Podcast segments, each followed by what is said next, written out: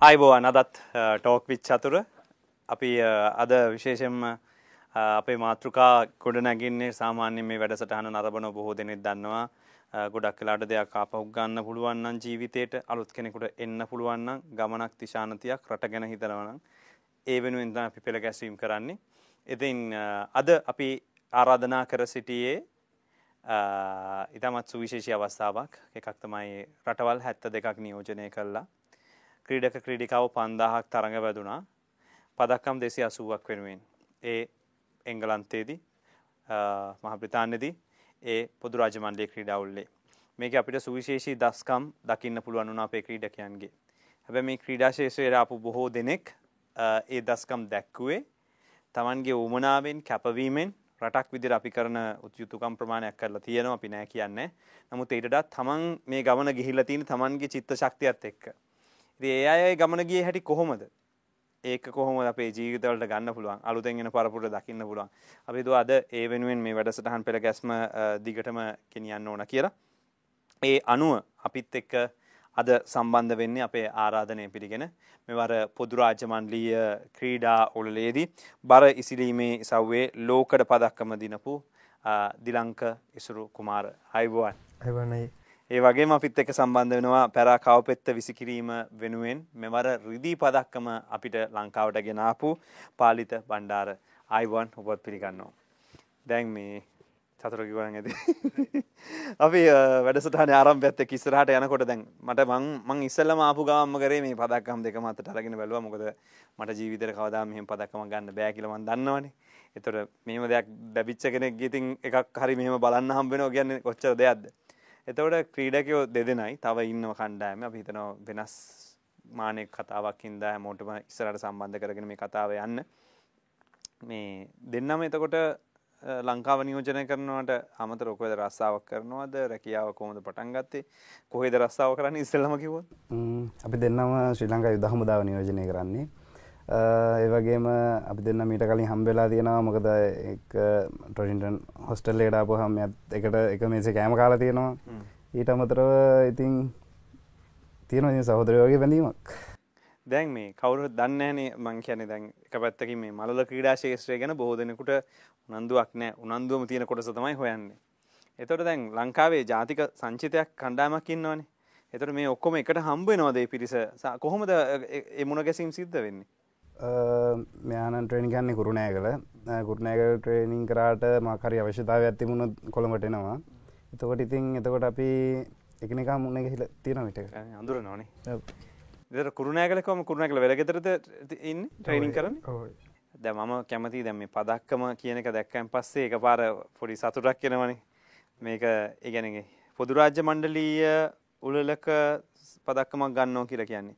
ඕගොල්ලො හිතන විදිහට ඕගොල්ලන්ගේ මොන වගේ අපි කියනවන නිකං මේක තමයි ස්වර්ණ මේ මංගල්ලය මේක තමයි ඕගලන්ගේ ද්‍රීම්ම එක මොකක්ද ඔගොල දැන් ඇචිව කල තියෙන මොන ප්‍රමාණකක්ද ඇත්තනමයි තිබ ්‍රීම ඇත්තම පුදුරාජනලි පදක්කම ගන්න එක. ඉතිං ලොකු විශ්වාසයක් තිබ්බා පදක්කම ගන්න හැකියාවක්තිය කියලා. ඒ විශ්වාසය අද සාර්ථ වෙලා තියෙනවා ස්ටේලා තියෙනවා. ඉතිං ක්‍රඩවුලේ පලනි පදක්කමරං රටට හොඳ ආරම්භයක් දීලා ක්‍රීඩකින්ට හොඳ ආරම්භයක් ලබාදීම පිළිබඳ ස්තුතියන්දෙන ඒ කොච්චර දුරක් මේක යන්න පුළුවන්ද? දැන් ඔයා පටන්ගත්ත කොහෙද ජූනිය නශනල්ද ලංකායි පටන් ගන්නත කොහොමද පටන් ගත්තතෙන මම ක්‍රීඩා විස්සරම අරමන් ආරම්භ ගන්නේ පාසල් යනවදී මම ඉස්සරම පලනි තරගලේ තමා ජුනි නශන එතකොට ලොකුම පදක්කම මොකක්ද ඕකෙන් ගන්න පුළන් දැනට මේක තමයි. ඒකන ඔය බරපන්තියේ ගන්න බැයිද ඔල අයි මේ තියෙනවා. ඔලිම්පික් තියෙනවා ලෝක ශෘතා බරිසීම තරගවලිය තියෙනවා. හැබැයි ඔලිම්පික්වට මගේ බරපන්තියන එකන කිලෝග්‍රම් පනස් පහන බරපන්තියන එතුළ කියදෙන හැට පහද හැට එක හැටතියන තම මේ ඔලිම්පික් තියෙන්නේ. ඉතින් පනස් පහ බරපන්තියෙන් ලබාගන්න පුළුවන් ලොකුම ජයග්‍රහණය පොදුරාජමන්ඩිය තරඟාවලිය ඒ වගේම ලෝක ශෘතා තරඟාවලිය ඒ දෙක පමණයේ දැනට තියෙන්නේ. ආසියනු ක්‍රීඩවල්ලෙත් පනස් පාබර පන්තිය නෑයි එතට ඔබේ පදක්කමේ මොකක්ද ඉහළම ගන්න පුළුවන් තැන? මේකද ඉහළම එක? නැතම් මීට හට යන්න පුළුවන්ද තව? පුළුවන්. ඒගැන්නේ දැනට කවපෙත් විසිකිරීමේ ඉසවෙන් තම මම මේ පොදුරජමනට තරගාවලියකදී රිදි පදක්කම ලබා ගත්තේ. අනිත් තරඟාවලදී තියෙන්නේ යගුලි විසිකිරීමේ සව්ව මොකද මම මීට පෙර කරේ යගුලි විසිකිරීම සව්ව මාස හතක වගේ කාලයක් ඇතුළත තමා කවපෙත්තට පුරුදුනේ. දැන් ලබනවසරේ පැත්තන ඉදිරි තරඟාවලය වලදී තියෙන්නේ යගුලි විසිකිරීම සව්ව ඉතින් ඒකට සූදානම් වෙනවා. එක මොකක් ඊළඟ තරගේ ඊළඟට තියෙනවා පැරවලිම්පික් ඉස්සල්ලාම තියෙනවා පැරා ඒෂන් ගේම් එක. ඊට පස පැරාවල් චැම්පියන්ශිප්පේ ප්‍රංශෝල තියෙනවා. ඉටවස දෙදස් විස්සි හත්තරේ පැරාවලිම්පික්කේ ප්‍රංශෝල් තියෙනවා. එක තම ඒවගේ තියෙන්නේ කවපෙත්තන වෙයි යගුලි දැන් දැම් ගත්තු දැම් කතාව අපි ටික දුරකට ගොඩ්න ගත්තන. තොර දැ මට තියෙන ප්‍රශ්්‍ය තමයි එකක් ඇවිල්ල ම කැමති ඇතර මේ ටෝක් විචතුර ගෙන වැඩසටහන. කැන හමනුවර මේලාසන කරන්න තිබන එක දැන් අපි ඔගොල දෙයක් දිනපු හින්දනය විල් අපි කතා කරන්න. එම නැතු වෙලාසන ඉන්න කියලා කොහොම දෝගලට මාරුද කියලා ඇහුවන ඒ අනි පතර දරමල එහෙම නානන් කවරුත් දන්න ෑන මේ නිකන් කොල්ලෙක් ඇවිල කතා කරල ගියාවගේ කියලා. එහෙම නැතුව දැන් ඔය ආපු ගමන වයිස කිය ඇත්තරම ඔබේදිලං අයිමට විසිහයයි ඔබට? මටනන් තිහයි. තිහයි. තෑතර තනි සාමාන්‍ය අපි වාසන් කන කොල්ල දෙන්නෙක් මෙම ගමනක් කෙනකොට එතොට පළවෙනි අඩිය තියන්නේ පාසලෙන්ද ඔබ බරහිසිරීම එතුට වයිස කියද? අයි මම නමයවසරෙන් තම පටන්ගන්නේ අවුරුදු දාහතරයි මං මුලිම පාසල යන්නේ කෝ ගැට්ටුවන් මහවිද්‍යාලයට.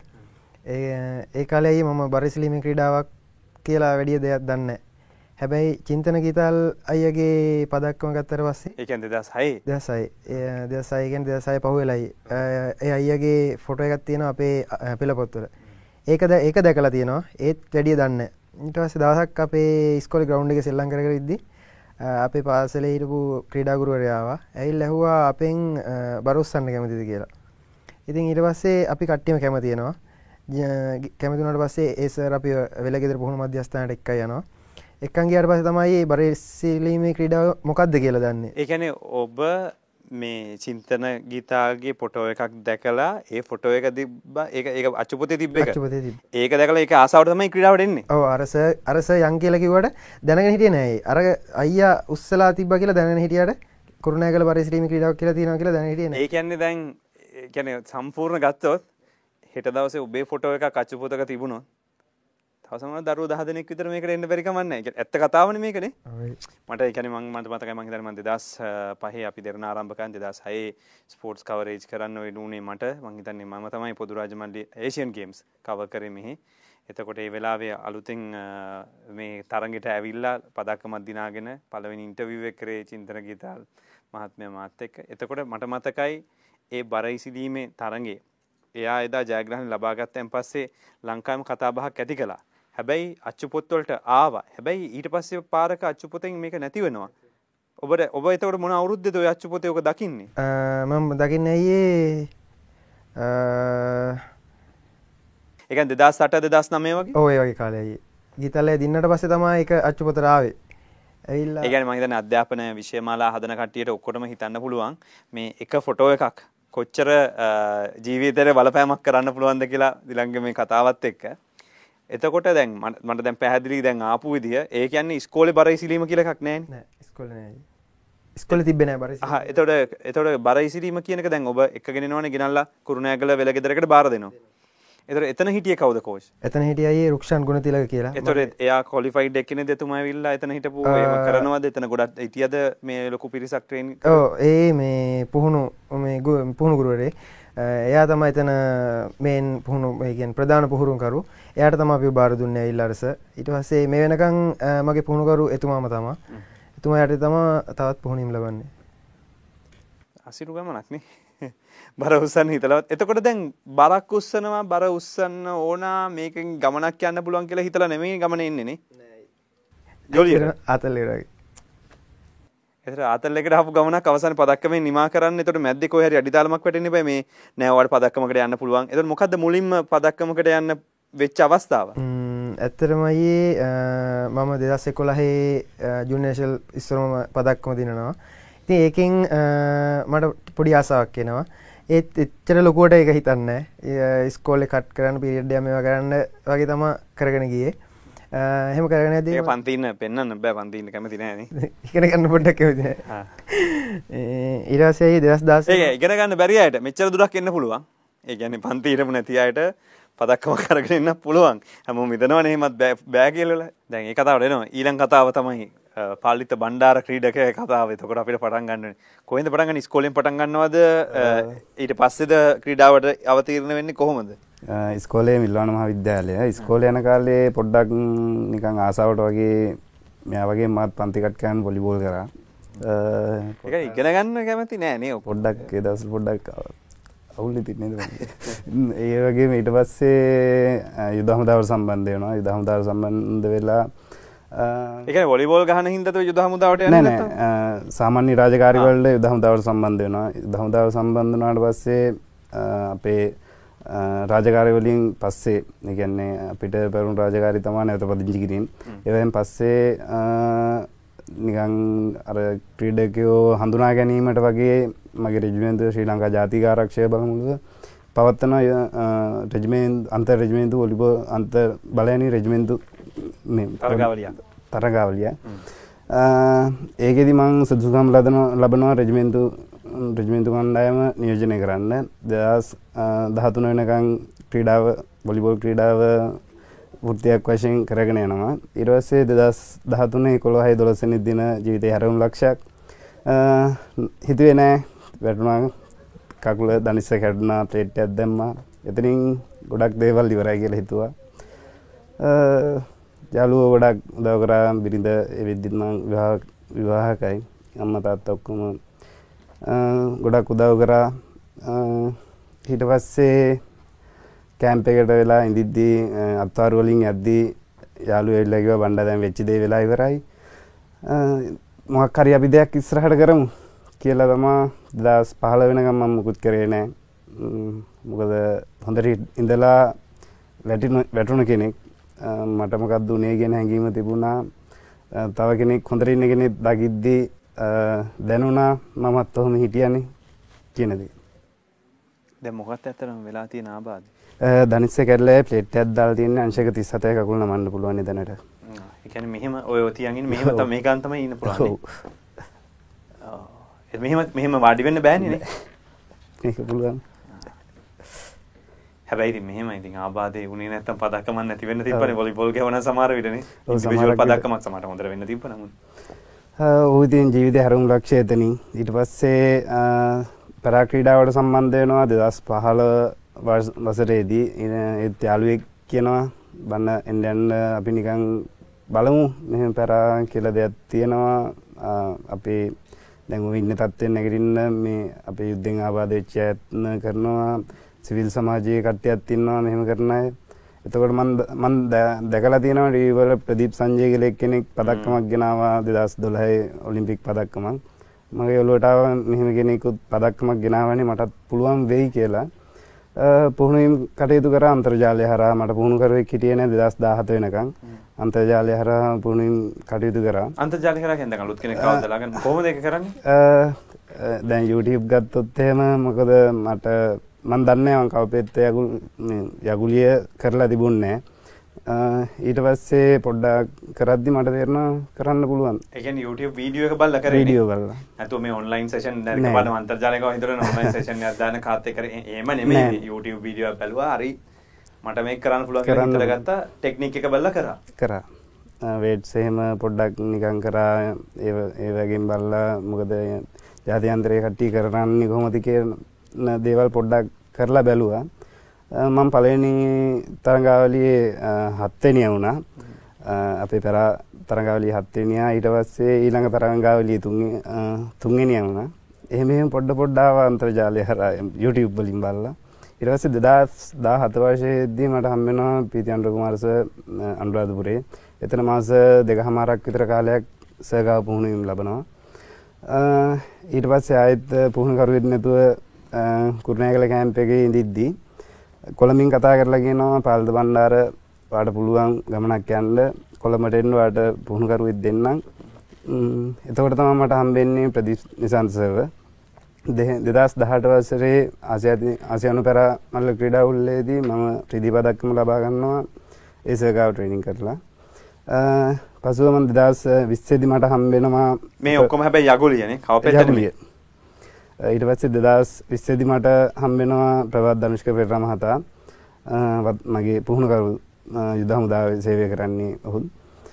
එතකොට දෙදස් විස්සදිමං දෙදස් විසියකේදී පෙබරවාරි මාසේ ඩුබයි ගලෝන් ෆී තරඟාව ග්‍රන්් ෆික්ස් තරඟාවලියේ තුන්ගෙන ස්ථානය ලබාගන්නවා මිට දහතුනය දශම තිස් දෙක දක්ෂතාවයකින් ටෝකෝ පැරවලිම්පික් වලට සුදුසුකම් ලබනවා. ටෝකෝ පැරවලිම්පික් තරඟාවලියේදී මම පස්වන ස්ථානය ලබාගන්නවා මීට දහතුනයි දශම හතරයි දෙක දක්ෂතාවයකි එතනින් තමා යගුලිය නතර කරලා දැන් කවපෙත්තකට පටන් ගත්තේ මාස 7ක වගේ කාලයක් ඇතුළත තමයි කවපෙත්ත කරන්නේ. දැන් ඒ ගමන ඒ පැත්තෙන්.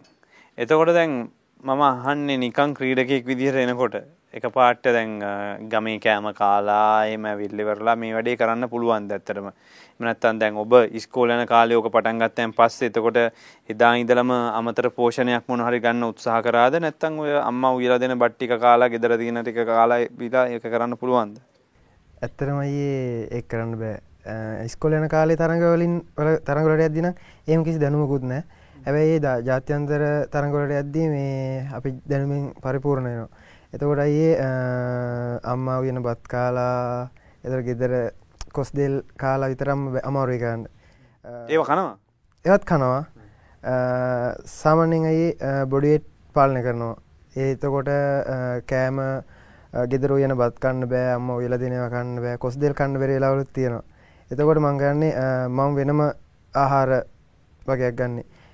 මොනවද සාමාන්‍යයෙන් කන්නේ අපි අපි දන්නේ නැති කට්ටියට කියලා දෙනවනම්. අයි ගොඩක්ම රෑට බත් කැවෙන්නෙම නැහැ. බත් කන්න නැති වාර අනන්තයි. බිත්තර මස් මාළු පළතුරු අනම්මන ඒ වගේ දේවල් තමයි ගොඩක්ම කැවෙන්නේ. ලොකු වේදමක් යනවා ඒවට. එතොට ගෙදර අම්ම මුත් කියන්න නැද තොට ගෙදර තියන උයනටිකද අපිට නම් ආදරණය අම්මල හැමතිස්සම කවන්නනේ හදන්නේ බත් එක කන්න බත්තර අම්ම එක තේරුම් අරගත්තද? ගෙදරින් සහයෝග එතන තේරුම් අරගත්තද? පුතා මෙහෙම ගමනකට යන්න කියලා. ඔය ඉස්සර නම් බයිනවා අම උයන කන්නෑ කියලා බොරුවට විසික් කන්න බත්තු වෙනක බයිනවා. හැබැයි දැන් එහෙමනෑ අම්ම එක තේරුම් කරන් තියෙන්නේ. අම්මා අම්මා ගෙදරටත් වෙලා මගේ දේවලුත් මට කරලා දෙනවා වෙලාවකට. ඉතින් ඒක ලොකු හයිය කොච්චරක් විතර යනවද සාමාන්‍යයෙන් කෑමට? ඔය මේ ඔබ අමතර වෙලක් ගන්නකොට? අයේ දැන් මේ රටේ තියෙන මේ වාතාවරණයත් එක්ක ඉස්සර බඩුවක්කට වඩා දැම් බඩුවත් තුන්ගුණයකින් වැඩි. සාමාන්‍යයෙන් සෑහන මුදලක් වියදන් වෙනයි අද තියෙන ගාන නෙවෙයි හෙට තියෙන්නේ. කොච්චර හම්බුනත් මදි. කෑම බීම ප්‍රෝටින් වලට සෑහන් වියදන් යනයි ඒ කියන්නේ දැන් අමතර විදිහට ගත්තෝතින් අපිට අමතර ආහාර වේලා අමතර පෝෂණයක් ඕන කියන එක කියන්නේ. ඒතර ඔබ ජාතික සංචිතයට තේරෙනකන් එතන්ට එනකන් තමන් වියදම් කරගෙන එන්න ඕන. එතනින් පස්සේ ගේ හරි ගෙවීමක් හම්බ වෙනවද සාමාන්‍යයෙන්? මම කියන්නේ මේක මේ විවේචනයක් විදිහට ගන්න එපා මම මේ ඇත්ත කතාව දැනගන්න අහන්නේ. ඇත්තරම ඒ නාමල් ඇමතිතුනා ඇමතිතුමා ක්‍රඩා ඇමතුමා වගේ පැත් පත් වනාට පස්සේ තමයි අපිට හයිපපමස් කියල ටීම්මයක් හදලා මාසකට පෝෂණ දීවනත් දෙන්න පටන් ගත්තේ. ඒ වෙද්දිත් ඇයි මම ආසියනු තරගාවලිය දිනලා තිබ්බා.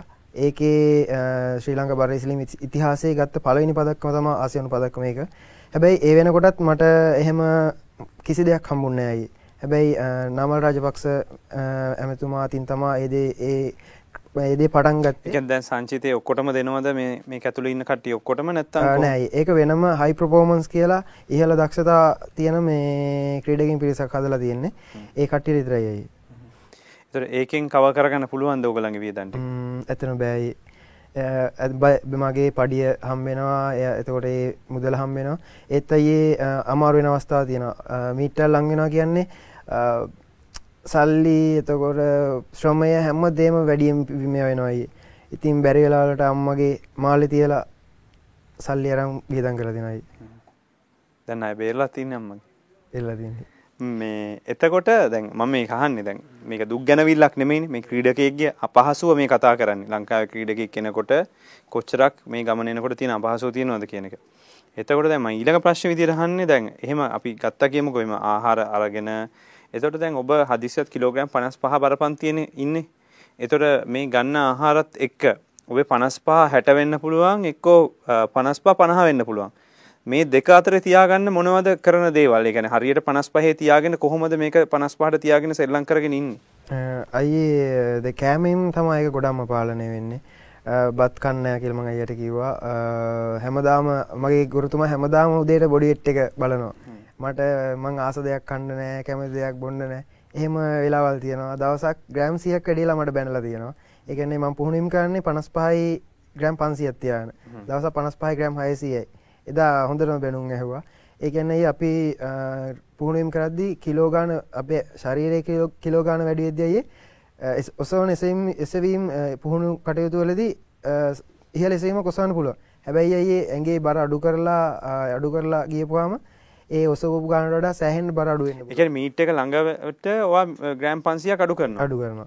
ඒකයි කොහොමත් මීට් එකට යද්දී ඒක නිකම් අඩුවෙන කෙනෙකට දෙන පුලන්න පනස් පහන උසන්නති පනස් දෙක විතර තියන් හිටියන ඉවරයිනි කියලා. එතකොට උසන්න පුලන් ප්‍රමාණ මතිද ප්‍රමාණය ඒ අයි ඇගේ තියෙන මේකත්තේ ප්‍රමාණය අඩු අඩු වෙනවයි අර හරියටම බරතියාගන කලින් අයි අපිට දුන්න මෙල්ල එක දෙන්නේ. ඇගේ බර අඩු විදිරතම වෙල්ලෙ දැන් අයි මම මමයි තවගෙනෙකුයි එක ගාන බර කරා කියනකයි තරග ඒකෙන් ඇගේ බර අඩු කනට තමයි පදක්ම දෙන්න. දැන් හෙමනෑ දැන් පදක්ම දෙන්න ඉස්සරෝම ලිෆ්ටේ කරපෙක්කන විතරයි. ඉතින් ඇගේ බර කොච්චර අඩුවනත් වැඩන්න ඇයකෙන් අපි උපරිම දක්ෂතාවත යන්න තම හරි බරතියාගෙන පුුණිම් ගන්න එතර දැන් ස්නැච් කරත් ක්‍රීනන්ජ කරත් මේක ඔගොල්ලෝ එතකොට මේක දෙකටම පුහුණු වෙනකොට මමටික වැඩිපුර අහන්න මේක ඉවර කරාම ලේසිනේ එතකොට දැන් ඔහොම පුරුදු වුණාම එතකොට මේ දැන් එකපාරටම මේ රිදම් එක ගන්න එපා මේක පුරුදු අවුරුදු ගාණක් තිස්සේ පුරුදු වෙලා. එතකොට හදිසියකට එහාට මෙහාට යනකොට මොනවා හරි දෙයක් වුණොත් අන් එහෙම වෙන්න කියලා ප්‍රාර්ථනා කරන්නේ මේ ඔසන බර අපිට හිතා ගන්න බෑනේ මෙච්චර බරක් ඔසනවා කියලා. එහෙම අසමබරතාවයන් නැති වුණොත් මොනවා හරි තිබුණොත් මේකේ අතුරු ආබාධ ඇති වෙනවද? මොනවද ඒවට ඔයගොල්ලෝ කරන්නේ? ඇත්තටම අතුරු ආබාධ ඇති වෙනවා. අපි පුහුණු මීටර් ළඟ ඉඳී අපි සෑහෙන්න පුහුණුවීම් කරනවා. එතකොට අයේ අපි ඇඟ හිර වෙනවා ඉංජරි එන්න බලනවා. එතොටයි අපිට අනිවාරයෙන් පිසු කෙනෙක් නිසු කෙනෙක් අවශ්‍යයි. ඒත් අයේ අපේ මේ රටේ තියෙන තත්ත්වත් එක්ක අපිට පිසු කෙන මෙසේ කෙනෙ අපිට ඕනෙලාවට අපි ට්‍රිපුහුණුවීම් කරතනට ගෙන්න්නගන්න අමාරු ආයකන දැන් ටීම් එක හිටියට මේක අවසාන ඒක හරියන්නේ නෑ වේලාසන ඉන්න ඕනක දැන් අයේ ජාත්‍යන්තර තරගත්තහම ඒකේ වෙන වෙන රටවල්ලයේ ඉහල තාක්ෂණය එතකොට හැම දෙයක් මෙහලයි එයාලට අයි මීටයක් ඉවරලාට පුහුණුවම් කටයුතු කරට පස්සෙත් අයේ මෙසිව කෙනෙක් ඉන්නවා මොබිලයිස් කර දෙන්න මසාජ් කර ඒත් අපිට හෙමන අපි කරන්නේ සති දෙකට සතියකට පාර සති දෙක්කට පාරක් වගේ. ඒත් ඒ මම සතියකට පාර සති දෙක්කට පාරක් කරනවා. ඒ කරන්නේ කොළඹට ගිහිල්ලා. මට අයි එක මසාජයක් දාගන්න රුපියල් දොළොස් දාහක් විතර යන එක පාරකට. එකන්නේ දැන් සාමානෙන් රුපියල් දොළොස් දහක් දීලා මසාජ් එකක් දානවද? මේ රුපියල් 1500 3000කින් දාගන්න බැයිද කියලා වගේ හිතනවා. ඇති නිකන් බැල බැලුවම ඒතර මොකද්ද මේකේ තියෙන මේ ටෙක්නික් වලට යනවා නම් ඒ ගාන ගෙවන්න. ඒ කියන්නේ මාසෙට 24000ක් එපයි දෙපාරක් කරනවනේ මොකක්ද මේකේ විශේෂත්වය? අයි ඒක ඇඟකට හරියන කෙනෙක් ඉන්න ඒ කියන්නේ හරි දේ හරි මසල්ලේ කල්ලන්න හරි ඉන්ජරිය තෝරගෙන ඒක මේවා කරන්න හරි ඒ කියන්නේ අපිට හිතට හරියන කෙනෙක් නෙවෙයි අයිය වුණ ඒ ලෙඩේ සුව කරන්න පුළුවන් කෙනෙක්. ඒ කියන්නේ මසල් ලොක් වෙනවද? මොකක්ද හිර වෙනවයි. ඔක්කොම අතේද කකුලද මුළු ඇඟම මුළු ඇඟමත් වෙන හිරනලා තියෙනවයි. එතකොටයි අපිට රිදම් මේ ගන්න අමාරුයි අපේ ටෙක්නික් එක වැරදෙනවා. ඒ හින්දා තමයි ඒක අනිවාර්යෙන් වැදගත් වෙන්නේ. මමයි කොළඹෙන්නේ අල්ලන්න. මාසකට දෙපාරක් විතරෙනවා ඒද්දි දොළස් දහ කිය දගෙනවා කියන ඒ ඒ අයියට ගානත් දෙනවයි ඒ රුපිය තුන්දහ විතර මුදලක් දෙන්නේ. ඒ දීලා මම වාහනයක් කරගෙන අපිස බස් එකෙන් ඒ දොළොස් දහට වියදම් වෙන්නේ අර එයාගේ ගාන විතරක් නෙමෙයි අර යන ගාස්තුවනේ අපිස අයි බස් එකෙන් දෙන්න කොරෝනා වීසන හින්දා. බයික් එකේ යන්න දෙන්න සේෆ්ටි යන්න තිහින්දා ඉතින් මම වාහනයක් රෙන්ඩ කරන යාළුවෙක්ව හයරයකට දාගෙන යා ජොබ්යක් කරනවා.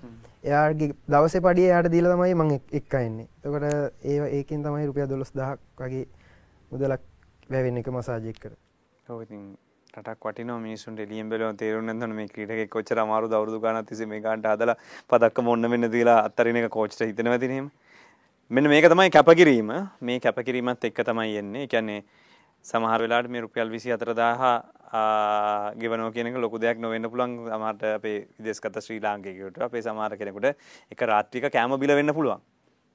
නමුත් රුපියල් 12000 නැති වුණොත් මසල් ලොක් වෙනවා ඊළඟ ට්‍රේනින් එකට යන්න බෑ. ඒ කොච්චරක් විතර මේ බරක් ඊට පස්සේ අඩු ඒ කියන්නේ බර උස්සන්න බැරිම වෙනවද නැත්නම් ලොක් වෙනවද ඊට පස්සේ මොකද්ද වෙන්නේ ඔහම එල්ලුවේ නැත්නම් හදිසියොත් අයේ දැන් අපිට හරියට රිදම් එක ආවේ නැත්නම් ඉන්ජරි වෙන්න බලනවා. අය කියන්නේ මසල් ලොක් වුණාම අයියේ ඒක දැන් අපි බරක් එසීමේදී එක්කෝ එතනින් ඇදිලා යන්න බලනවා. ගොඩක්ම අයියේ ඉන්ජරි එන්න තමයි ඒක බලපාන්නේ. දැන් ඉතින් තියෙන කතාව පැහැදිලිනේ. උස්සන්නේ කිලෝග්‍රෑම් වලින් 200 220 230 එහෙම. හැබැයි උනාට ග්‍රෑම් වලින් තමයි වැඩේ දුවන්නේ. දැන් මේක ඉතුරු කොටස ගත්තොත් ඒතර යගුලිය විසිකිරීම පටන් අරගෙන කවපෙත්තෙන් දින්නට. ඒතර මේකට පුහුණු වීමත් මෙතරම්ම අපහසුයිද? නැත්නම් මේ වගේම කැපකිරීමක් කරන්න ඕනද? එහෙම නැත්නම් ටිකක් මීට වඩා ලේසිද?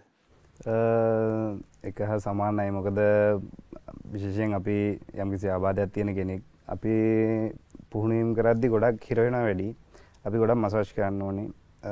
මසාජ් කරන්න ඕනේ ඊට අමතරව මනසක් හදාගන්නත් ඕනේ අර ක්‍රීඩක කරන දේවල් එක්කම් බලද්දි පුහුණුකරුත් ලොක් කැපකිරීමක් කරන මොකද යා වාද්දුවේ ඉන්නේ වාද්දුවේ ඉඳලා හැමදාම උදේ හවස උදේට එනවා මටත් කලින් ග්‍රවුන්ඩ් එකට ඇවිල්ලා ඉන්නේ පුහුණුකරු. ඉතින් තියෙනවා ඉතින් ලොකු කැපකිරීමක් එතනට. එතකොට මේකේ මොනවද ටෙක්නික්ස් අපි මේ දෙක දැන් අපි දැන් කිව්වනේ දැන් කුරුණෑගලින් ඇවිල්ලා ඕන කෙනෙකුටත් එන්න පුළුවන් වගේ. ඔබගේ ක්‍රීඩාවට එනවනම් පැරා කෙනෙක් වුණොතින් අපි උදාහරණයක් විදියට විශේෂයෙන්ම මනස හදා ගැනීම එතනට සහ මොනවද හැකියාවන් තියෙනවා කියලා හඳුනගන්න හේතුව. ඒ කියන්නේ මේකට ක්‍රීඩාවට ආස කරාට මදිද? ශරීරයේ ශක්තිය තියෙන්න ඕනද? මොනවද තියෙන විශේෂ දේවල්?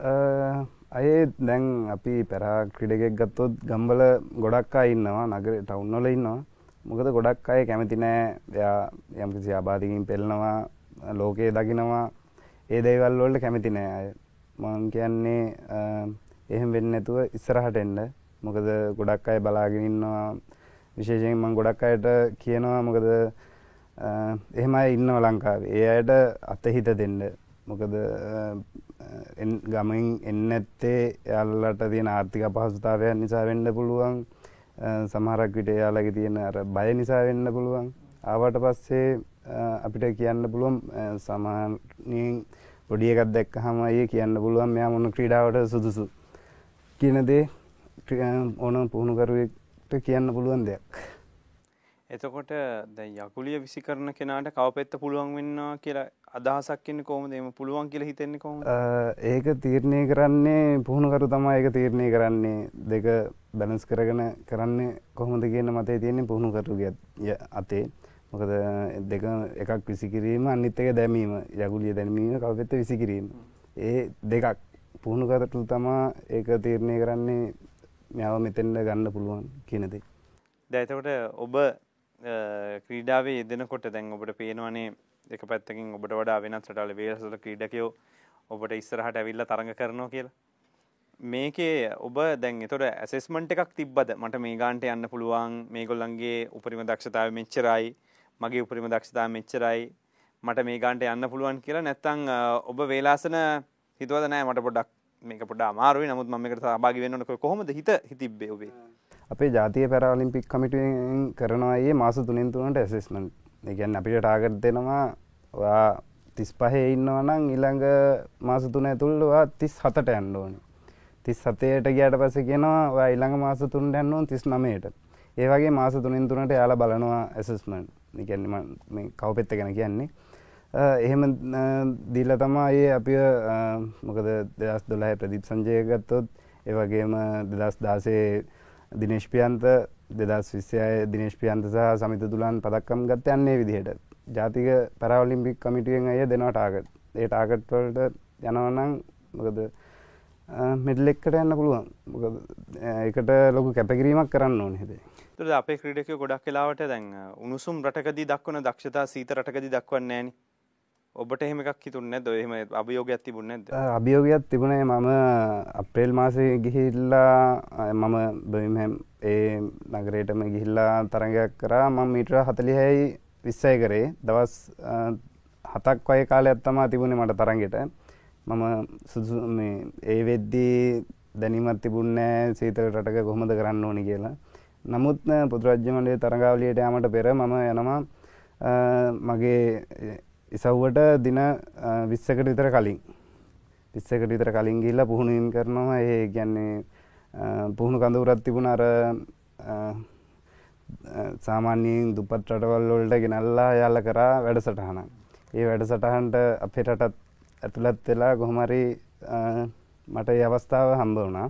මම සහ පුහුණුකරු රාත්‍රී නමයට පමණ තමා පුහුණුවෙන් පටන් ගන්නේ. ඒ සීතලට එතනින් තම හොරුවනේ ඊට කලින් මන් ලංකාවේ පුහුණුවෙන් කරද්දී මට ලොකු පලවෙනි පාර ප්‍රශ්නයක්කාව දෙදස් විසේගෙට ටෝගේ පැරවලින්පික්වලදී යගුලිය කරද්දී මගේ ඉසව්ව තිබ්බ දවසේ වැස්සා. පැස්ස නිසා මට පදක්කමක් අහිමුණනා කියලා මං හිතනවා. මොකද මගේ තන පුද්ජිලී දක්ෂතාව කරනම් පදක්කමට යන්න පුළුවන්කමත් තිබුණා. එනිසාම ලංකාට ඉල්ලා පුහුණුවෙන් කර වැස්සේ. එතකොට සමහර කෝච්ටලා යාලුව කට්ටිය අහන බන්නකොට පිස්සුද වැස්සේ ත්‍රෝ කරන්න. එපා නවත්ත බම්බ අසනීපේ මමකිව නෑ මම ට්‍රෙනිං කරනවා වැස්සේ. මට මෙ සිදුවීමක් වුණා කලින් මට බෑ ඉස්සරහට එන තරඟාව ලිවලදී මේ දේට මුහුණ දෙන්න කියෙන අහි වැස්සොත් ඔව්. ඒක නිසා කලින් ඒට සූදානම් වුණා ඒකන්නේ මේක සාමානයෙන් පොඩි පින්නක් ලිව් එකක් වගේ තිබ්බද ඒක ඒකට හේතු වනේ ඒක අපි බවයන්න හේතුනේ වැස්ස ට්‍රේනිින් කරපු එකද මෙහිදි බමින් හැබල මම එහිදී රාත්‍රී නමයට පමණ පුහුණුවම් කරේ. මගේ ඉසව්ව තිබුණ රාත්‍රී අටයි හතලිස් පහටතමයි ඉසව් පටන් ගන්නේ. ඒක නිසා රාත්‍රී නමයට විතර පුහුණුවෙන් පටමර රාත්‍රී දහවිතරනගම් සීතලය පුහුණුවම් කරනවා. මේ ඇගේ සම්පූර්ණ පිච්චිලා තියෙන්නේ සීතලට දැන් මේ වගේ රටකදී ද ඔබ කියන මේ සීත පිච්චිලා ඔක්කොමත් කියලා. හැබැයි එවුණට සීත රටකති ගොඩක් කලාට පුද්ගලික තමන්ගේ හොඳම දක්ෂතාවේ පුද්ගලික දක්ෂතාවේ අඩුවෙන එක වෙන්නේ. නමුත් ඔබ මේක වැඩි කරගන්න එක කරන්නේ. මොකක් ඇතරම මංහිතන බලගන්නට හොඳ දක්ෂතා කොහොමද වැඩිුණේ කියලකිව ම පලවෙන් ත්‍රෝය පටන්ගන්න මීට තිස් නමයකින් එන්න එන්ඩ කෝච්ච එතකොට දිරිගන්නනවා මේ මොකක්ද කරන්නේ කරපන් කියලා අර අපේ භාෂාවම කතා කරලා කියනවා. එතකොට තවත් ට්‍රොත්වෙනවා ඊට පස්සේ තමා මගේ පුද්ගලේ දක්ෂතාව යන්නේ පස්සන ත්‍රෝයගේදී එත්තකොට අරගේ තිබුණ සීතලගති ඔක්කොම ගිහිල්ලිවරයි ජව ඇවිල්ල. ජව ඇවිල්ල. ඔන්න හොමයි මේ පදක්කම ගෙනල්ලා තියෙන්නේ. ඉති වටිනකම් එකතු කරලා තියෙන්නේ රටේ කොඩියට ජාතික ගීයට තැනක් ලෝකයේ තුළ ලැබිලා තියෙන. මොකද අපේ සාමාන්‍යයෙන් එහෙම ජාතික ගීයට වගේම අපේ ජාතික දජයට එහෙම වටිනාකමක් එකතු වෙන අවස්ථා අඩුයි. හැමතිස්සෙම හැමදේකම තියෙන්නේ. පස්සට යනක පාස්පෝට් එක් ගත්තත් පිළිගන්නේ නැති එක ඒ වගේම රටක් විදිහට ගත්තත් පිළිගැනීම නැති එක. ඉතින් මේ ක්‍රීඩකයෝ දෙන්න විතර නෙමෙයි මේ වර පුදුරාජ මණ්ඩලේ කණ්ඩායමම අපිට සුවිශේෂී මාතෘකාවක් වුණා මේ තරඟාවලියේ විශේෂයෙන්ම 5000ක් විතර ක්‍රීඩකයෝ අතරේ. අපි මේකේ ගත්තොත් දැන් ඔබේ අම්මා කියනවා කතා කරලා එනකොට පුතා කිරිහැට්ටිත් තිස්සුව කිරිවෙල්ලා මොකද මේ කිරිහැට්ටි කතාව? කිරිහැට්ටි ඔසවල පුළුවන්ද මේ බර විසිරීමට එන්න? නෑ මම බරිසිලීම ක්‍රීඩාවට මුලින්ම ගිහිල්ල ටික කාලයක් ඇද්දි මේ පාඩ වැඩපුඩ ගත්ත පසු වෙනවා. එතකොට අම්මලා ස්කෝයට කතා කරල කියෙන පාඩන් කරන්න යනම්මන ඉරවස් ස්කොලේ මිස්ලා අම්මලා ගෙන්න්නලා කිව මුට මොන බරසිලින්ද මේ පාඩ වැඩ කර නිදපන් කියලා අම්මලාට කිව යවන්න එපා කියලා. ඉතින් ඒ මට අන්ඩාසාව තිබයි ඉතින් මාසයක් දෙයක් ගිය නෑ. යන්න දුන්න ඉරස්සේ මං කිරිහට්ටිවල කිරිහට්ටි වලට කොංක්‍රීට් මේ වදාලා පුරලා ගෙදර කරානික ඊරස කොමරි අම්මලාව කැමති කරගත්ත මේ සතියට දවසක්. වීල්ටික අදාගත්ත කිරිහට්ටිය. සතිර දවස දෙයක් යන්න අම්මලා කැමති කරගත්තා ඉතින් ඉවස කොහමරි පුහුණුවීමට යන්න දුන්න. දීලිවෙරලා අයි පලනි රම්පදක්ම ගන්නමං පුදුරාජ මණ්ඩිය පරිසිලිමේ ශෘතාවලිය මැලේසියාද තිබ්බකින් ඒක තම මගේ ජාත්‍යන්ත්‍ර පලනි පදක්කව එතකොට ඒ එමම් පදක්ව මුලින් මැර යන මගේ පලනි පාසලට. ඒ මිස්ලා මේ ඇතර මැඩුවයි එදා මං ගියප එක නැවැත්තුවා නං අද මෙහෙම නෑන කියලා. ඉතිං අයේ ඔහොම ටිකාලයක් ඇදී අපි රටේ කොරුණ ව්‍යසනයාව මුල්ම කාල ඇදිරනි දෙමට පස්සයට පුුණුවම් කටතු කරගන්න යන්න විදිහ තිබෙන ඊට පස්සේ අර මං ඉස්සල්ල හදපුටිකයිම මතක්කෙන තියාන හිටිය. ඒකෙන් සතියක් දෙකක් ඒකෙන් මං ගෙදර කර. ඒ කොරන යසනත එක්ක පුුණම් අත පසු වෙන හිද. ඉතිං අය ඊට පස්සේ ඇන්ද්‍ර නීති බලපත්‍රයක් මට හම්බුණ අපේ පොලිසියේ මේ ස්ථානාධිපතිතුමාගේ ඒකෙන් තමයි පුහුණින් අය ඇන්දිරි නීති කාලය තුළත් අපි පුහුණීම් කරනගේ දැ ඔබ කියනවා ගෙදර සම්පූර්ණයෙන් කට්ටිය අමතක් කළ දාලා මම ක්‍රීඩාවේ පුහුණුවීම් වලට අවසාන කාලේ ආව කියලා. කවුද ගෙදර ඉන්න ඇත්තට ඇය ගෙදර ඉන්නවා? වයිෆී බබාල දෙන්නයි. මොකද වයිෆගේ ස බවල් දෙන්න තනී වයිෆගේ අය එම්මයි තමා ගෙදර ඉන්නේ. වයි බබාලදෙන් ලොකු එක්කෙන ලොකුදුවට අවුරුද්දයි පොඩි ලොකුදුවට අවුරුදු හයයි පොඩිදුවට අවුරුද්දයි. ලොකුද එකවසරන්න තාම ඇර ස්කෝල්ට යන්න ඕන කිලෝමීට දහටක් විතර. කොහෙද? මාතලේ ලක්ගල ප්‍රදේශය. පොඩි දුරන්න මේ තින් පුඩ්ඩක් දුෂ්කරය යන්න එන්න එන එක අපහසුවේ මං මාස තුනකට කලින් විතර කලින් ගෙතර හිල්ලාවේ ඒත් දවස් පහක් හයක් විතර තම හිටියේ. මාස හතක් විතරයේ ගෙදර ප්‍රශ්නොක්කෝ අමතය කර. මේ සඳහාම බිරිඳත් ලොකු සහයෝගයක් දුන්නා. මොකද දන්නවා මොකක් හරි මම දෙකට කැපවුණොත් ඒදේ කරලා තමා කියන්නේ මන් මේ දේ කරා කියන දේ එයා දන්නවා හැමදාම. මොකද දෙන්න ආදර විවාහයක් දෙන්න අතර ලොකු බැඳීමක් තියෙනවා දෙන්නට දෙන්න තේරුම් අරන් ඉන්නවා. ඒක නිසා හොඳින් ඉන්නවා ලොකු කැපකිරීමන්නේ තුර ගෙදර කොමද ආර්ථික කටයුතු හෙම කරගන්න පහසුද තියෙන එකන ඔබට තැන් දෙන්නටම ආමියකි පඩියන හම්බෙන්නේ සරලෝ කියනවන ඔය කුමුරු වැඩ තමයි කරන්න. ඇතරම කිවොත් මම හිටියට වයි ගෙදර කුමුරු වැඩ කරනවා. රසාාව කන්න කුමුරු වැඩ. කරන්න කුරු වැඩත් කරන පෝරත් නැතු හොඳට ඇතිනේ නම් මේ දවසල මහිතන්නේ එතොට දැන් මං කියන්නේ දැන් වෙන ආධාර යාලූ හිතවතුන් ස්පොන්සර්ස්ලා එහෙම ආවේ නැද්ද? අනුග්‍රහකයෝ ආවේ නැද්ද මේ වගේ දක්ෂකම් ගේන අවස්ථාවල්දී? නෑ ක්‍රීඩා මාත්‍යංශයෙන් අපිට යම්කිසි ගේමක් කරා කාලයක්. ඒක ඒගන්නේ අර උසස් විශේෂ දක්ෂතා තියෙන ක්‍රීඩකයෝ සංචිත කත කරලා යාලට ගීමක් කරා. ඒකෙන් ලොකු පිටුහලක් වුණා අපිට. මොකද මම මෙහි ගෙදර යන්නතු ට්‍රේනිින් කර කර ඉද්දී ගෙදරයගේ වියදන් කවර් කර ඒකින්. මොකද වෙන කරන්න දැන්නෑ යුද හමුදායෙන් හම්බෙන වැටුපෙන් දැන්තියන ආර්ථික ප්‍රශ්න තෙක්කං අමරුවේ. නමයි දෙන්නත් එක්කනේ පොඩි එක්කෙනෙ කවුරුද්දක් එතකොට දැන් මං අහන්ඩේ දැන් සාමාන්‍ය ක්‍රීඩකය කෙම එනකොට ලංකාවේ ඔය මොනහරි දෙකට දැන් සෝෂල් මීඩියාවල තියෙනවා එකකේවා ඇඩ්වටිස්මන්ටල්ට ගන්නවා ටීව එකේ. ඒ වගේට එහෙම දැන් ඔබ පදක්කමක් වෙලාසන දිනපු කෙනෙක් පොදු රජමන්ලිය ඔබ මේ පාර පදක්කම දිනට වෙනත් ඒ වගේදී මේ පදක්කම් දිනලා තියෙනවා. එතකොට ක්‍රීඩා ගැන කතා කරන්නේ නැද්ද? නෑ මේ වෙන ගන්නම් කිසි කෙනෙක් කතා කරලා නෑ කතා කරයිද දන්නේ නෑ. ඉතින් බලාපොරොත්තු වෙන්න කවුරු හරි සමස්ත ක්‍රීඩාවට මොකක් හරි කරනක.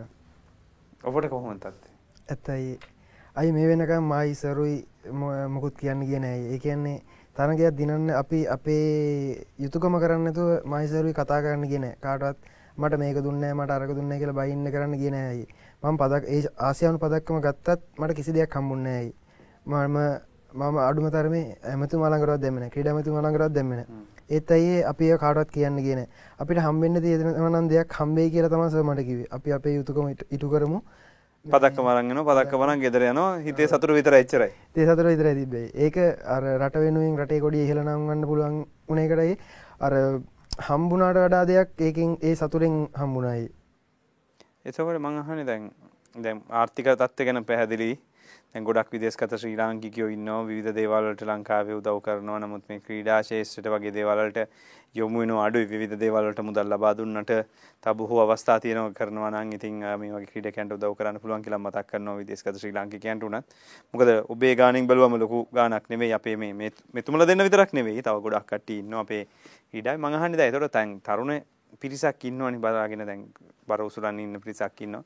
ඒතර පාසලකට වක්කත් ඔබට මම මේ කතාව අහන්නේ එක හේතුවක් උඩ මම දැක්ක පහුගිය කාලේ පාසල් වල දේශන පවත්වන්න යන එහෙම කියන එකත් හරිත් නැතුව ඇති. නමුත් කපු මහත්තුරු වෙනත් අය ගිහිල්ලා ඒගොල්ලෝ දේශන පවත්වනවා ගෙන්න ගන්නවා පාසල් වලට. ඒගොල්ලෝ වීරයෝ වෙනවා විවිධ දේවල් කියනවා. සමාජෙ මොන හරි සෝෂල් මීඩියා එකේ අඳුරගත්ත මිනිස්සෙක් සමහරලාට මොන හරි දෙයක් කරන්නෙත් නැහැ. නමුත් ප්‍රසිද්ධියට ගෙන්නනවා. නමුත් දැන් ඕගොල්ලෝ මේ ගමනක් ඇවිල්ලා ඕගොල්ලන්ගේ එක්ස්පීරියන්ස් එක ෂෙයා කරන්න පාසල් වලට ගෙන්නනවද ඕගොල්ලන්ව? එම අවස්ථා තියෙනවද? එහෙම ගියොත් එතකොට මොනවද තරුණයන්ට කියන්න පුළුවන් දේවල් විදියට ඕගොල්ලෝ දකින්නේ? ඒගොල්ලෝ ක්‍රීඩාවට ආකර්ෂණය කරගන්න ඕගොල්ලන්ට මොනවද කරන්න පුළුවන් ලංකාවේ? දෙන්නටම පොදුයි ප්‍රශ්නේ. ඇතරේ කවරු හරි කතා කරොත් අපි එන්න බැඳලා තියෙනවා ඕනම කෙනෙක්ට මං කියලා තියෙන්නේ මගේ ජංගම දුරගත්තනයට කතාකරොත් මම ඕන තැනකට ගිහිල්ලා කාටුනත් දෙයක් කියලා දෙන්න මන්න කැමති. එකන්නේ මට කියන්න තියෙන්නේ විශේෂයෙන් මක් හරි අවශ්‍යතාවයක් තියෙනවා නම් විශේෂ මං වගේ කෙනෙක්ට. එකන්නේ මනසින් වැටෙන් එපා කවදාකවත්. ඉස්සරහට යන්න නැගිටින්න ඕනු දවක් කරන්න දන්න ඇති ඕන දෙයක් තියෙනවන අහන්ඩ කියල දෙන්න. ඔබට මොකක්ත් ඇතරමයි අපේස පොඩි ළමයි ගෙන් අපිට කියන්නේ පුළුවන්තරම් පොඩි ළමයි ගෙන්න්න කියලා. අපිස මේ අපිට කියන්න කතා කරන්නක ඉන්න කියලා. අපිස කියන්නේ අපි අපි ජිම්මගේ කට්ටියක් කට්ටියම එකතු වෙලා අප අවට තින ස්කෝලට අපි කියනවයි ගිහිල්ල ද සතිර දවසදාන ගිහිල්ලා ඒ ක්‍රීඩබා නිධධාරී සට කතා කරලා කතා කරන ඉට පස්සේ ඒස ළමයිට කතා කරලයි ඒස කැමති ළමයිටික එක්කයිනවා ජිම්ම එකට. ඊරවස ජිම්මේ කට්ටියම එකතු වෙලා කියන තිබ තියෙන අවස්ථාව අයි අනන්තයි ඒ ළමයිනුත් දැන් ජිම්මේටන හොඳ තැන්වල ඉන්න හැබයි ඇයි තාමත් ස්කෝලයනවා මඟාන මෙහෙම දැන් තැන් ගොඩක් කලාවට මේ සමාජය දුවන්නේ මේ සෝෂල් මීඩියාවල ඉන්න මිනිසුයි ප්‍රසිද්ධයි කියලා පේන චරිත ටිකක් ඒ වගේ ටිකක් එක්කනේ. ඒතර ඕගොල්ලෝ සෝෂල් මීඩියා එකේ ඉන්නවද? Facebook page එකක් හරි මොකක් හරි පටන් ගත්තද කරාද මේ ඉස්සෙල්ලා කරගෙන ආවද? ඔබ මොකක්ද අත්තේ? ඇයි ඒ කරන්න බැරිද? කරන්න පුළුවන් අයියා එහෙම කරන්න පැන්නුවේ නෑ. මට නෑ මං කියන්නේ මෙහෙමයි. දැන් පුහුචරිත කියලා කියන එක කියන්නේ බෑනේ ඔක්කොගම ඉන්න. නමුත් දැන් ඔබ වගේ දක්ෂතා තියෙන අය ඇයි එහෙම දෙයක් කරන්න ඇත්තේ එකැන මීඩියයකින් එක පාරක් සතියකට පාරක් ඇවිල්ලිවර වෙලා පොපෝ පෙන්න්න පුළුවන්. දැම් මේ පදක්කමක් ගත්තු ගමන් අපිත් කතා කරයි ඔක්කොම කතා කරයි. තව මාසකින් බලන්න කවුද කතා කරන්න කියලා. ඕක නැති වෙනවනේ. මංහන් ඇයි ඔගුලො කරන දේවල්? ට්‍රේනිං ඒ වගේ දෙවල් ඇයි ෆොටෝ එකක් දාලා එක පේජ් එකක් කරගෙන යන්න අමාරු? ඔගුලන්ට කරන්න වෙලා මදිද? එහෙම නැත්නම් තව කාකර උදව්වක් ඕනද? මොකද ඔබ හිතන්නේ මේක? කරන්න අම්මක ලංකාව දැනගන්න ඔගොල්ලෝ ට්‍රේනින් කරන්නේ කොහොමද? ඔගොල්ලන්ගේ මෙට්‍රස් එක මොන වගේද? කොයි විදිහටද බර උස්සන්න කියලා. ඇයි එහෙම කරන්නේද මොන හරි බාධාවක් තියෙනවද? එහෙම නෑ අයි අයකෝ දෙකම තම තව කාගේ හරි උදවකුත් ඕන අපිට වෙලාවකුත් මදියයි අයි සම්පූර්ණම අපි මේ ඔලු ඔලු මනසවුම් කරලා තියෙන පුහුණුවීමට අන්තර්ජාලය සරිසනයවා එතකොට ෆේස්බුක් කනමනං එහෙම යවෙන්න අඩුමතරමයි මගෙස ෆෝනයක් පාවිච්චි කරන්න දිල නැති වාර තියෙනවා. මගේ ෆෝන් කුඩු කරපු වාර තියෙනවා. ඒ අර ෆෙස් ඒ ෆෙස්බුක් කොල ගිහිල්ලා යම ඒක කරොත් එතැන්ට මේක මනසදාගෙන යන්න බෑන ඒ නිසායේ මේ ස මගේ මාස පහය ෆෝන් මට පාචිකන තහනම් කරලා තියෙනවා. එහෙම නිසා මට අර ඒ අර පැත්තර මගේ ඔළුව ගිහිල්ල නෑයි පෙමතියක් කිමනේ ඒවතාන්න කෝල කෝල් කරන්න ඔන්න ඇතකට ප්‍රශි කරයි ගන්න ගෙදර ප්‍රශ් ඇතිනවද කෝෂ්ට කතා කල කියන්න. මට කාට මට මට කොල්ලක් ගන්න ඔන්න ඒ මඟ මට උමන කටේ නම්බර ලියන්න තියන්නේ. ජිම්ම එකකින් හරි සගේ ෆෝන් හරිල්ල කොල්ලක් ගන්න. එච්චර කැපකිරීමක් කරනවා ඔබට මොකද තත්වේ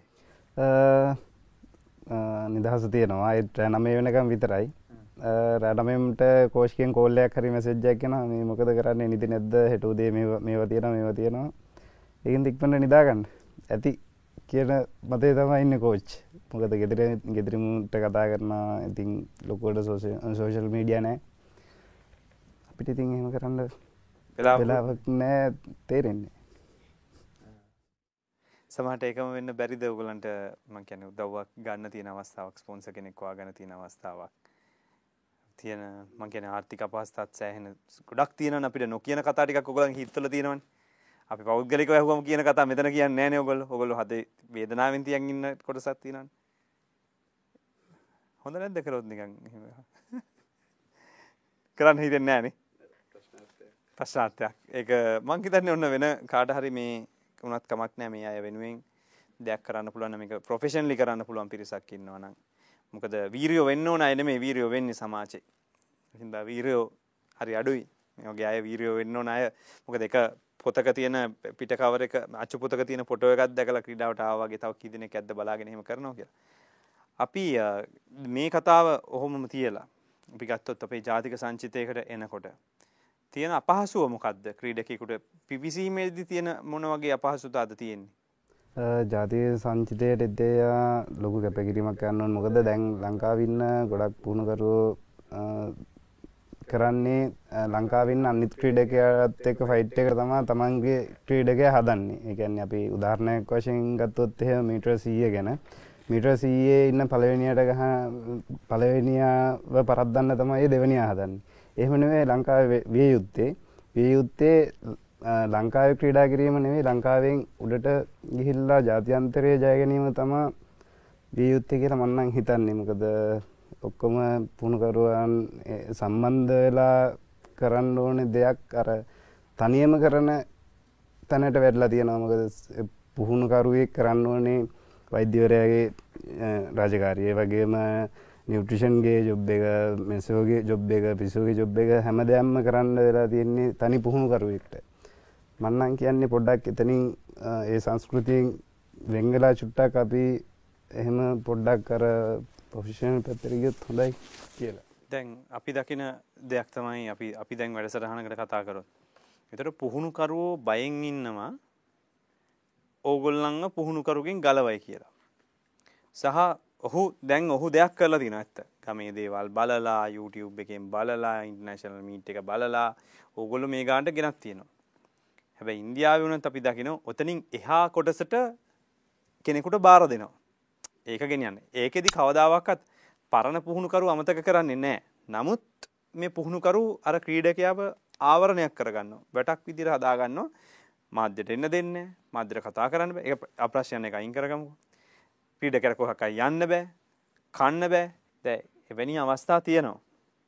එතකොට මේ පුහුණුකරු කොතනදි හරි අත්හැරියේ නැත්තම් සමහර වෙලාවට අපි දකිනවා ක්‍රීඩාවේ ලොකු අවුල් වෙලා තිබෙනවා වෙනත් රටවල් වලදීත් ලංකාවේ. ඔබ මන් දන්නේ ගහන එක හරිද කියලාත් මොකද පුහුණුකරු දෙන්නම ඉන්න එක ප්‍රශ්නයක් නෙවෙයි. නම විවෘතව කතා කළොත් මේ පුහුණුව සම්බන්ධයෙන් පුහුණු කරුවන් සම්බන්ධයෙන් ඔබේ මතය මොකක්ද ඇත්තටම? ඇත්තටම කිවතය දැන් මං බෞද්ධෙක් විදිහට ගත්තොත් එහෙම සිදුවත් කුමාරයාත් බුද්ධත්වයේ ලැබුවේ ගුරුවරු මාරු කරලා කියපු නිසා. ආලාර කාලාම උද්දකරාම පුත්‍ර ඔක්කොම ගාවට ගියානේ. මාරු කරලා. ඒ කියන්නේ දැන් අපේ ලංකාවේ තියෙන සිස්ටම් එක තමා සමහර පුහුණු කරුවන් ඉන්නවා මේ ගෝලයා මගේ. ඒක නිසා මං කාටවත් දෙන්නේ මෙතනින් එහාට පුහුණුවීම් කරන්න. අන්නේ දේ පොඩ්ඩක් වෙනස් වෙනවා නම් හොඳයි මොකද සමහරක් විට ඒ ක්‍රීඩකයාගේ උපරිම තැන එතන වෙන්න පුළුවන් සමහරක් විට ඒ පුහුණු කරුත් එක්ක කරන.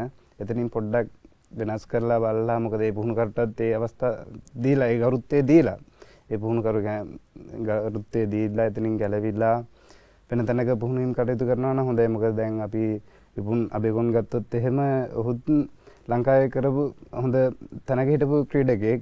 මොකද ඊට පස්සේ ඔය ඔහු දැන් ඉතලිවල පුහුණුවීම් කටයුතු කරනවා. විදේශ පුහුණුකරුවෙක් යටතේ ඔහුට වෙනම කණ්ඩායමක් ඉන්නවා. අන්න ඒ වගේ සිස්ටම් එකක් තාම ලංකාවේ නෑ මං. ඒතර එයාට පෞද්ගලික දක්ෂතාවන් එන්න වර්ධනය වුණා ඒක ඔහුට කරන්න පුළුවන් වුණා අනිත් හැමෝටම මේක කරන්න බෑ. ඔව් අන්න ඒක තමයි දැන් තියෙන ඉතින් හැබැයි පුහුණු කරුවන්ගේ පැත්තෙන් ගත්තම සමහර වෙලාවට ඉතින් ගොඩක් අයට බැටුප් ලැබෙන්නේ නැහැ. ඒගොල්ලෝ බැටුප විතරයි ලැබෙන්නේ අමතර ගෙවීමක් ලැබෙන්නේ ඒ වගේ ප්‍රශ්නත් තියෙනවා. ඔව් දැන් ගත්තොත් එහෙම මගේ පුහුණු කරුත් යුද හොඳා සමාජිකයෙක් යුද හොඳා පඩියෙන් තමා මාව බලාගන්න එන්නේ මොකද වද්දුවේ ඉඳන් කොළඹට බයික් එකේ එනවා යනවා කියන එකම ලොකු වියදමක් මේ දවස් කාලේ හැටියට.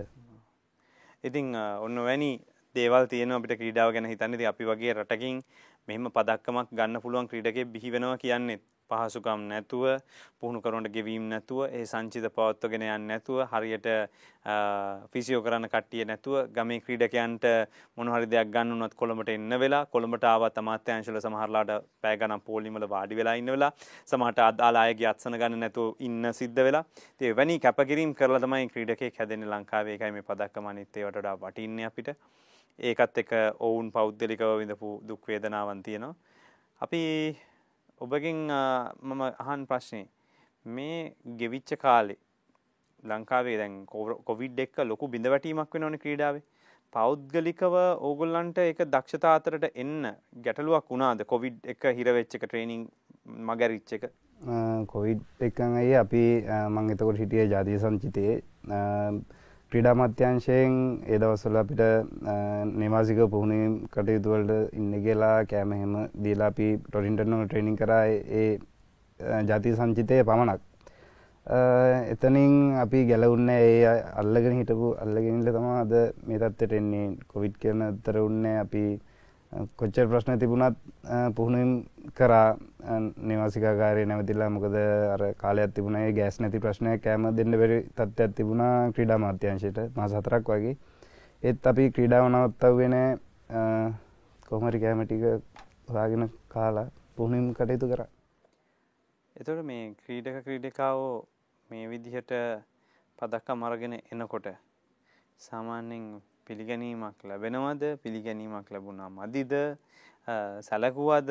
මොකද තත්ත්වේ රටේ තත්ත්වේ නෑ අපි පිළිගැනීමක් ලැබුණා. මොකද ගොඩක් අය මිලියන විසි දෙයක් අපි ක්‍රීඩ කරනවා දිහා බලාගෙනන්නවා ඒ අයගේ ගෞරවය ලැබුණා කියලා මං හිතන ඒ වගේම එයාලගේ ආශිට්‍රවාදයක් තිබුණා. ගොඩක් ස්තුතියි සියලු දෙනාට. අපට මොකද හිතෙන්ද ඇත්තනමයි මේ තරගවලි අපිට ඒක ලැබුණා අපි පිළිගත්තා. ඉතින් මං කියනවයේ පදක්කමක් කරංගාවත් ගොඩක් කට්ටින්න අපි පිළිගන්න. පදක්කමක් නැතිවවත් කවුරුත් නෑ ඒක මං අත්තිඳල තියෙන නිකම පොට්ටෙන් ගොරි යනවන. ඒක මං අත්තිඳල දිනයි ඉතින් මං හැමෝගෙම ඉල්ලනවා පදක්කමත් තියෙන තියෙද්දී ක්‍රඩකට දෙන ගෞරුවම පදක්කම නැතුවෙන ක්‍රඩකරත්තේ ගෞරුව ලබා දෙන්න. ක්‍රඩකයා නැත ඇදගෙන ඒගැන හිඩාව වැටෙන්ට තියෙන ක්‍රඩියන්ට එහෙම කරන්න එපා කියලමං ඉල්ලනවා. අර පදක්කම නැති පදක්ම තියෙන ක්‍රඩකට දෙන තැනම පදක්ම තියෙන නැති ක්‍රීඩකයටත් දෙන්න ඕන කියරම ක දවතු ගනම් මහන්සි වෙලා එක නියෝජනය කරන්න යන්නෙම ලොකු කැපකිරීමක් එක ඕකෝම තමයි දෙ දින දාට කොල්ලෝ ශානියමයි කියලා ගෙලවට මල් මාල දමනවා. එකක් දෙකක් අයෝ පැරදුනාමකයෝ මොකක්ද මේ කිරේ හනවා බැයි ක්‍රිකට්වලට විතරක්ම අන් හැම එකටම වලංගු තත්ත්වය දැන් මම අවසාන ප්‍රශ්නය විදිහට යොම්කන්න දැම් මේ පදක්කමක් ගන්නකොට තියෙන සතුට කැමරකෙන් අපි දකිනෝ අපිට මතකයි අපේ එහි සිට ක්‍රීඩා තොරතුරු ගෙනාව සොමින්දු තාරක ජයසේකර මේ වීඩියෝ දර්ශනය වල තිබ්බා. එහි රෑත්‍රී දහය ඇතිහට මෙහි මහා අලුයම දෙකට විතර බොහෝ දෙනෙක් හැරිලා බලන් හිටපු අවස්ථාවක්. මේක විශේෂම එක පැත්තකින් යුපුන්ගේ තරග දිහා බලන් හිටිය. ඒකත් එක්ක ඔබ ලෝකට ගියා. මොකක් ඇත්තරම උනේ මෙතන මේ මොහක්කරේ කැමරකින් වීඩියෝ කරනවා දැක්ක දැකලිවරලා ගියාද? මොකක් ඇතර උනේ එතන? නෑ අපි ඇවිල්ලා මං හිතන විදියට ශ්‍රී ලාංකිකයෝ තමා ජාතිය කොඩියට ගරු කරන එකම ජාතිය. මොකද තව කෙනෙක්ගේ සතුරක් බල්ලා ඒ සතුර විඳන්න පුළුවන් ජාතියක් ශ්‍රී ලාංකිකයෝ ඒ වෙලාවේ යුපුන් දිනලා තිබුණා. යුපුන් තුන්ගෙන තැන ලබාගෙන. මොකද මගේ ත්‍රෝයකේදී මං කියද කියලා දන්න යුපුන්ගේ වැටල තිබුණ ටීව එකේ යුපුන් තුන්ගෙන ස්ථානය කියලා. ඉතින් ත්‍රෝයකය කියද කියලා බලන්න කලින් මම ගිය යුපුන් ගාවට කතා කර යුපම යුපුන පුන කියගෙන යන්නේනේ එක තොට දාල මේ නිකං ඔයා ඉන්න තරන්ගේ ඕ තරගේ මගේ මට තමතක වෙන දැන් තරගේ ඉන්න කියලනේ අර ජයග්‍රහ නතෙක් ඕ මට තව ත්‍රෝයකත් තියෙනවා කරන්නත්. ඊට පස්සේ මම යන අයුපුන් ගාවට කතා කරන. ඉතින් ඒ වෙලාවේ අර එන්නේ ශ්‍රී ලාංකිකයෙක් කියන හැඟීමයි එන්නේ. මං එතන ක්‍රීඩකයෙක් කියන හැඟීම අමතක වෙනවා ඊට පස්සේ මම පුහුණු කරුවෙන් ගිහිල්ලානවා කෝච් මම කියක් කරාද? කිවනි ස්ථානයේද රැඳී සිටින්න? කියන එතකොට පුහුණු කරු කියනවා මට මේ දෙක ඉන්නවා මීට හතරි සතරයි විස්සක් කරලා තියෙනවා. බැරි වෙලාවත් ඉන්දියන් ක්‍රීඩක වාට වට වඩා ගෙහවුත් තුන්ගෙන ස්ථානයට එනවා බයවෙන්නවා පිට තවතරෝ එකක් තියෙනවා ගෙන ඒක තමයි සතුට අවසාන පදකමන් තරගෙන ඔක්කොමත් කරගෙනාව අපි ඔබට සුභ පතනවා. රට ගැන මොකද හිතේ? අයි පිටට ක්‍රීඩකින් දිහා බැලුවොත් එහෙම පිටට කිඩකින් තනි ක්‍රඩාව කරන්නේ වෘත්තය මේ වශයෙන්. හෙත් ලංකාව ක්‍රඩකින් තා වෘතියක් කරන ගමන් තමා ක්‍රීඩාව කරන්නේ. ඉතිං අපේ රටේ තියෙන තත්ත්ය පොඩ්ඩක් වෙනස් කරලා රටේ අපි නවේ ඉදිරිට එන්න ක්‍රීඩකින් හරි වෘතිමය ක්‍රඩකින් වශයෙන් රටට බඳවගත්තොත් හොඳයි කියල හිතනයි ඒක මොකද ලංකාවට පදක්කම් ගේන ලංකාව නම ඉහලට ගෙනියන්න. මේ රටේ තින තත්ත්වත් එක්ක හොඳ අවස්ථාවක් වෙන කියල මඟට හිතනවයි මංහවේ රට ගැන මොකද හිතන්නේ කියලොබින් ඔබ මොකද හිතන්න? රටේ හොඳ කතාව කෙලියටාව ෘතිමය ක්‍රීඩකයක් කියන කතාව. රටේ කොච්චර් ප්‍රශ්න තිබුණත් අපි ක්‍රීඩාව කරගෙන ගියා මොකද ප්‍රශ්න තියෙන රටක් වුණහම අපිට දේශපාලන අදාල වෙන්න ඇයි මොකද අපි යුද මුදාව සේවය කරන්නේ ඒ වගේම ක්‍රීඩාව පැත්තෙන් ගත්තොත් ක්‍රීඩාව ඉස්සරහට කරගෙන යනම ඉති. අපිට එක පදක්කමක් වුණාට ඔබ පිටුපස්සේ බොහෝ පිරිසක් ඇති අනිවාරෙන්ම. මහිතන්නේ වෙලාව ගියත් අපේ යුතුකමක් තියෙනවා රට පදක්කමක් ගෙනපු දෙන්නේ කදපු පිරිසට ස්තුතිවන්ත කරන ඔබට අවස්ථාවත් දෙන එක. ඔබේ අවස්ථාව. මුලින් අපේ පන්සේ ලොක හමුද මතක් කරන්න ඕන ඊට පස්සේ මගේ පුහුණුකරුවන රුක්ෂන් ගුණතිර ගුරුපියානම් මතක් කරන්න ඕන විශේෂයෙන් එතුමා තමා මගේ පිටිපස්සිඳලා මේ තැනටද මං ගෙනාවේ එතුමාට විශේෂෙන් ස්තුතිවන්ත වෙනවා ඊට පස්සේ මම සේව කරන යුද හමුදා යුද හමුදාපතිතුමා ඇතුළු ක්‍රීඩා අධ්‍යක්ෂක මණ්ඩලේ අධ්‍යක්ෂතුමා ඒ වගේම මම සේව කරන ශ්‍රී ලංකා පොදු සේවා බලකායේ සියලුම නිලධාරීන් ඇතුළු සිසු නිලයන් සියලුම දෙනා මතක් කරන්න ඕන. ඒ වගේම මගේ දෙමව්පියන් මතක් කරන්න ඕන. තාත්තාද හිටිය නැතත් එතුමා තාත්තව මතක් සීපත් කරන්න ඕන. ඒ වගේම නම් වශයෙන් මතක් කරන්න බැරි සියලුම දෙනාට මේ අවස්ථාව ස්තුතිවන්ත වෙන්න අවස්ථාවක් කරගන්නවා. ඉස්ලාම් ස්තුතිවන්ත වෙන්න ඕනේ. ජාතික පැරාලිම්පික් කමිටුවට ඒ වගේම ජාතික ඔලිම්පික් කමිටුවට වගේම ක්‍රීඩා ක්‍රීඩා අමාත්‍යංශයට ඒ වගේ මගේ පුහුණුකරු ප්‍රබද්ධ දනුෂ්ක පෙරේරා මහතා ශ්‍රී ලංකා යුද හමුදාව ගත්තොත් ලොකු සහයෝගයක් දෙනවා මට. මගේ රෙජිමෙන්තුවේ ශ්‍රී ලංකා ජාතික ආරක්ෂක බලමුළුව. ඉතින් ගෙදර අනිවාර්යයෙන්ම බිරිඳත් ලොකු කැපකිරීමක් කරනවා. මම නිසා උදයන්ගනී කෝසලා වීරසිංහ ගමේ කට්ටිය මගේ පාසලේ මට උගන්වපු සියලුම ගුරු පියවරුන් මෑණිවරුන් මගේ අම්මා තාත්තා සියලු දෙනාටම ගොඩක් ස්තුතියි. වචනයෙන් හරි උදව් කරපු සියලුම දෙනාටම ආදරයෙන් මතක් කරනවා. පැටිච්ච රටක ක්‍රීඩාවක් කියන එකටත් තැනක් නැති වෙනවා. ඒ හින්දා අපි හිතනවා නැගිටින රටක තව තවත් පහසුකම් ලැබෙන්නේ ඔබට කරන්න පුළුවන් දේවල් ලැබෙන්නේ. නැගිටින රටක අපි ආර්ථික ශක්තිය ඇතිවෙච්ච රටක වාසනාවන්ත පුරවැසියෝ වේවා කියන බලාපොරොත්තුව තියෙන හැමුණොත් මේ ක්‍රීඩාවට හොඳ තැනක් වෙනවා ක්‍රීඩකයන්ට හොඳ තැනක් වෙනවා ක්‍රීඩා ශ්‍රේෂ්ඨයින් අයට හොඳ තැනක් වෙනවා වෘත්තිමය ක්‍රීඩකයෝ හැදෙනවා. ඉතින් බොහොම ස්තුතියි සම්බන්ධ වුණාට. මේ වැඩසටහනේ අද ආරාධිතයෝ විදියට සම්බන්ධ වුණේ මෙවර පොදු රාජ්‍ය මණ්ඩලීය ක්‍රීඩා උලලේ ලංකාව සරසපු ලංකාවට පදක්කම් ගෙන දුන්නු ඒ සුවිශේෂී ක්‍රීඩකයෝ දෙදෙනෙක්. පන්දහසක් විතර පිරිසක් තරඟ වැදුන. රටවල් හැත්ත දෙකක් නියෝජනය කළා. පදක්කම් දෙසිය අසුවක් දිනාගන්න ඉතින් ඒකෙන් අපිට පුළුවන් වුණා ලංකාවට ගේන්න. බර ඉසිලීම වෙනුවෙන් ලෝකට පදක්කම. ඒ දිලංක ඉසුරු කුමාරට බොහොම ස්තුතියි. ඔබ ජාතික වීරයෙක්. ඔබ ගරු කරන කෙනෙක් රටේ පිළිගත යුතු වගේ පිළිගැනීම ලක් කර යුතු දැන දැන සෙල්පි ගන්න ඕන කෙනෙක් චරිතයක්. ඉතින් අපි ඔබට ගෞරවය ලබා දෙනවා මේ අවස්ථාවේදී. ඒ වගේම තමයි අපිත් එක්ක සම්බන්ධ වුණ අද දවසේ පැරා කවපෙත්ත විසිකිරීමේ ඉසව්වේ රිදී පදක්කම දිනා දුන්නු රටට පාලිත බණ්ඩාර බොහොම ස්තුතියි ඔබටත් ඔබට අනිවාර්යයෙන් මේ ගෞරවය ටීවී දෙරණ විදිහට ටෝක් විච් අතුරේදී අපි වැඩසටහන ඔබ දෙපළටම පිරිනමනවා බොහොම ස්තුතියි වැඩසටහනට පැමිණියට මේ අපහසු අවස්ථාවකෙත්. මනම් අපි වැඩසටහන අවසන් කරමු. මේ ටෝක් විච් අතුර. Avatharana 24, Sri Lanka's news channel.